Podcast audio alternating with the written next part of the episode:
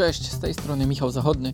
Miło mi gościć Cię w moim podcaście, w którym będę od taktycznej strony opowiadał o meczach, które obejrzałem, zawodnikach, których gra mnie zainteresowała, ale też o trenerach, zmianach, trendach i wydarzeniach, które warto przedyskutować. W pierwszej części taktycznego podsumowania 2020 roku mówiłem o tym, jak ze względu na warunki pandemiczne zmienił się sposób gry tych drużyn, które bazowały w większym lub mniejszym stopniu na ideach Johanna Cruyffa. Zakończyłem wspomnieniem o klubach Bundesligi, po których mniej było widać zmiany, bo Bayern w zasadzie wygrał wszystko, co było do wygrania, a i Peter Bosch z Bayerem Leverkusen osiąga fajne wyniki w dobrym stylu. Oczywiście Niemcy są ciekawym przypadkiem w kontekście oceny całego nietypowego roku, bo po nich przede wszystkim widać, że wiosną zaczęli grać dużo wcześniej niż niż inne ligi. Przykładowo, Bayern do czasu wznowienia rozgrywek we Włoszech, Anglii i Hiszpanii grał już przynajmniej miesiąc. Może jednak najlepsza drużyna w Europie, która, jak zauważają sami zawodnicy, miała okazję przejść już kilka krótszych lub dłuższych okresów przygotowawczych, nie jest najlepszym przykładem i też pomimo spowolnienia swojego totalnego futbolu, to wciąż zespół Hansiego Flika jest najaktywniejszy w pressingu w strefie ataku z pięciu czołowych lig Europy. Jednak wyniki całej Bundesligi śrubują w odniesieniu do pozostałych gasnących w grze pressingiem lig także inne zespoły. I tak w czołowej dwudziestce drużyn, najczęściej doskakujących do przeciwnika z piłką pod jego bramką, jest aż 8 niemieckich, czyli tyle, ile z Anglii, Francji i Hiszpanii razem wziętych. Ale tam po prostu można było latem trenować, przygotować się do jeszcze trudniejszego sezonu. Stąd też w Bundeslidze nie ma wysypu drużyn grających pragmatycznie, dlatego tam z tych pięciu lig średnia goli jest najwyższa, i dlatego też w drugiej części podsumowania spojrzymy po prostu gdzie indziej. Najpierw do Anglii, gdzie, jak już też ustaliliśmy, spadki pressingowe są największe, coraz bliższe wyników Ligi Hiszpańskiej, która, jak może pamiętacie z jednego z jesiennych odcinków, nie należała do rozgrywek specjalnie idących w kierunku pressingu. Zastanawiałem się, jak pokazać Wam zwiększoną pragmatyczność drużyn i w sumie najlepiej obrazują to wyniki czołówki poprzedniego sezonu. W czterech spotkaniach pomiędzy czterema najlepszymi zespołami Jesienią padły łącznie cztery bramki, były trzy remisy, dwa bezbramkowe. W poprzednim sezonie średnia goli w sześciu starciach od początku roku wyniosła 3,5 bramki na mecz. Były też takie wyniki jak 5 do 3 czy 4 do 0 i nie było ani jednego remisu. Ale Liverpool City, Chelsea United nie podchodzą pragmatycznie wyłącznie do meczów między sobą. Zacznijmy znów od najlepszej drużyny. Liverpool w tym sezonie już zremisował o dwa spotkania więcej niż w poprzednim mistrzowskim sezonie. Co więcej, zaliczył też 10 spotkań we wszystkich rozgrywkach, w których strzelił maksymalnie jednego gola lub nie trafiał w ogóle. W poprzednim sezonie do 10 spotkania doszedł dopiero w lutym. Wróćmy na chwilę do tych remisów, bo one dobrze pokazują, z czym muszą zmagać się trenerzy w ostatnich, definiujących ten rok miesiącach. Gdy Liverpool remisował z Fulham, to przez pierwszą połowę można było słyszeć, jak Jurgen Klopp krzyczał do swoich piłkarzy, by się wreszcie obudzili. Gdy miał po pierwszej połowie prowadzenie z West Bromem, to w drugiej jego zespół stracił czujność, w zasadzie grając jednostajnie i bez takiej intensywności, jaką zwykle z Liverpoolem utożsamiamy. Remisy po strzelonym pierwszym golu zdarzały się mistrzom Anglii już czterokrotnie, czyli dwa razy częściej z tej pozycji Liverpool tracił punkty niż w poprzednim sezonie. Oczywiście Kloppowi jest łatwiej, bo ma szeroki i jakościowy skład, jego doświadczenie menedżerskie jest ogromne, nadal mowa też o drużynie, której obrona zaczyna się od ataku, Także dlatego, nawet stawiając ich za przykład, trzeba pamiętać o tym, że są bardziej ekstremalne przypadki braku równej formy. W Premier League można przedstawić to choćby tak, że jeszcze połowa drużyn nie utrzymała czystego konta w dwóch meczach z rzędu, w tym Leicester, Arsenal, Manchester United, no i wspomniany Liverpool.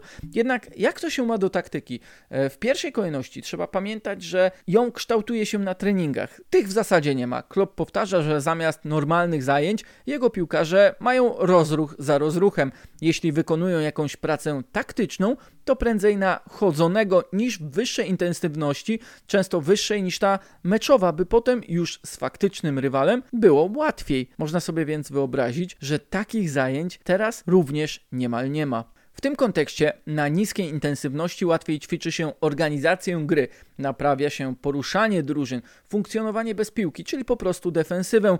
Futbol idzie więc w tym kierunku, na jaki trenerzy mogą sobie pozwolić. Jednak o tym, jak naprawdę pragmatyczna stała się gra, świadczy choćby niezadowolenie Jose Mourinho z gry Tottenhamu, który tylko w grudniu czterokrotnie tracił punkty po golach rywali w końcówkach spotkań. Często wynikało to po prostu z bierności zespołu Portugalczyka. W drugich połowach ostatnich siedmiu meczów ligowych oddali oni tylko 22 strzały, a skoro gra stała się zbyt pragmatyczna nawet dla Mourinho, to możecie sobie wyobrazić, że coś jest nie tak. Oczywiście te drużyny również atakują, ale ograniczają się do prostych środków, czy też są do nich zmuszone wobec braku czasu na wypracowanie bardziej wysublimowanych schematów albo stworzenia większej liczby współprac. Dlatego w Tottenhamie tak bardzo opierali się na tym, co między sobą stworzą Son oraz Kane. Dlatego dla mniej doświadczonych menedżerów od Mourinho rozwiązaniem jest gra na dośrodkowania. Mikel Arteta mówił, że to czysta matematyka. Chelsea za Aston Villą miała aż 26 wrzutek i tylko 4 celne, niemal nie próbując szukać innych rozwiązań. O nie jest o tyle trudniej, że ta organizacja gry drużyn przeciwnych nie pozwala też na zbyt wiele, a już zwłaszcza w tych meczach, gdy brakuje drużynie prowadzącej grę świeżości, szybkości i inwencji. Nie chcę być wyłącznie negatywny w tym przedstawianiu kolejnych przykładów na to, jaki ten futbol w obecnym sezonie, głównie Premier League, jest nudny. Bo nie wszędzie tak jest. Zwróćcie uwagę na Atletico Madryt, gdzie Diego Simeone wręcz odmienia oblicze swojej drużyny, utrzymując to, co było dobre i udoskonalając to, co tego wymagało, czyli grę ofensywną. Podstawa tego, że Atletico prowadzi w lidze hiszpańskiej i przegrało tylko jeden mecz, się nie zmienia, bo przecież chodzi nadal o defensywę. Taką reputację ma Simeone, tak świat kojarzy jego zespół, i tak też to funkcjonuje. Odkąd wznowiono rozgrywki po lockdownie w Hiszpanii, Atletico straciło tylko 22 gole w 32 meczach, aż w 18 nie tracąc bramki. Tu dygresja dotycząca reputacji futbolu. Simeone jest też bardzo dobrym przykładem, jak łatwo komuś przylepić łatkę i się jej trzymać, co z kolei uniemożliwia dostrzeżenie ważnych, nawet jeśli szczegółowych, detalicznych zmian w stylu gry, taktyce. Tyczy się to tak samo trenerów, jak i poszczególnych piłkarzy, ale dla potrzeby argumentu pozostańmy przy Atletico, bo przecież mowa o drużynie, która w Hiszpanii jest najlepsza pod względem odbiorów w strefie ataku. Piłkarze Simeone najczęściej zatrzymują dryblingi, do tego mają drugi wynik podań progresywnych. Pierwszy raz od 9 lat, odkąd Simeone jest w Madrycie, udało mu się pokonać w lidze Barcelonę. I to jak? Ten mecz doskonale pokazał, że nawet pozostając wiernym swoim pryncypiom, można rozwinąć pragmatyczną grę w innym kierunku. Wówczas e, bardzo interesującą rolę otrzymał Janik Carrasco, który w defensywie spełniał rolę wahadłowego, a w ataku skrzydłowego, gdy całe Atletico zmieniało ustawienie. On też strzelił decydującego o zwycięstwie gola. Mówił po spotkaniu, że jako Atletico wymieniają więcej podań, otwierają więcej opcji w ataku, lecz nadal są zespołem z naciskiem na poprzednie atuty, defensywę oraz kontry. A Simeone po prostu podąża za trendami, czytając grę, czytając jak ta gra się zmienia. Spójrzcie, w tym sezonie dwunastokrotnie jego Atletico było ustawione w 1-4-4-2 oraz ośmiokrotnie w 1-3-4-3. Rotacja systemami wynika z większych możliwości personalnych. Inaczej gra się mając w ataku napastnika czekającego na długie podania i dośrodkowania, a inaczej, gdy jest to Luis Suarez, skutecznie wiążący stoperów rywala, lecz także tworzący przestrzeń innym, świetnie współpracujący z innymi ofensywnymi piłkarzami. Efekt lepszego i dłuższego utrzymywania się przy piłce widać więc po spadkach w statystykach defensywnych, odbiorów pojedynków w powietrzu oraz fauli. To by wskazywało na to, jak istotne jest posiadanie hybrydy dwóch stylów, tego opartego na wysokim pressingu i intensywnej grze w posiadaniu piłki, ale również na defensywnej solidności. Widać to również we Włoszech, gdzie w tabeli prowadzą dwa kluby z Mediolanu, skrajnie inaczej budowane, na skrajnych końcach pod względem na przykład średniej wieku. Milan jest sensacją Serie A, najmłodszą ekipą w piątej, najstarszej lidze Europy, gdy Inter, średnio o niemal 4 lata starszy, ma być efektem drugiego długiego sezonu pracy, wdrażania konkretnego, charakterystycznego dla swojego trenera systemu. Ale i Antonio Conte się zmienił, co może sprawić, że jego reputacja trenera bazującego tylko na defensywie i organizacji gry nie jest już do końca aktualna. Zacznijmy jednak od Milanu, który jest trochę jak Atletico. Są na trzecim miejscu we Włoszech pod względem liczby pressingów, również są bardzo skuteczni w odbiorach przeciwko driblerom, ale zacznijmy też od innej strony, bo Stefano Pioli twierdzi, że w poprzednim sezonie wzorował się na Bayernie Monachium. Mówił, że jemu najbardziej imponuje ten intensywny, agresywny styl i ma być kierunkiem dla Milanu. Jednak ktoś mógłby po tych słowach błędnie założyć, że Milan długo przez to utrzymuje się przy piłce, chce kontrolować grę. Nie, nie, ich średnie posiadanie to bliżej środka stawki Serie A niż Napoli, Juventusu czy Sassuolo. Ich silną stroną jest to, że co piąta kontra kończy się strzałem, że jako zespół młody, dynamiczny potrafią błyskawicznie zaangażować się w atak, przenieść akcję przez każdą tercję boiska prostopadłymi, progresywnymi podaniami lub dryblingiem.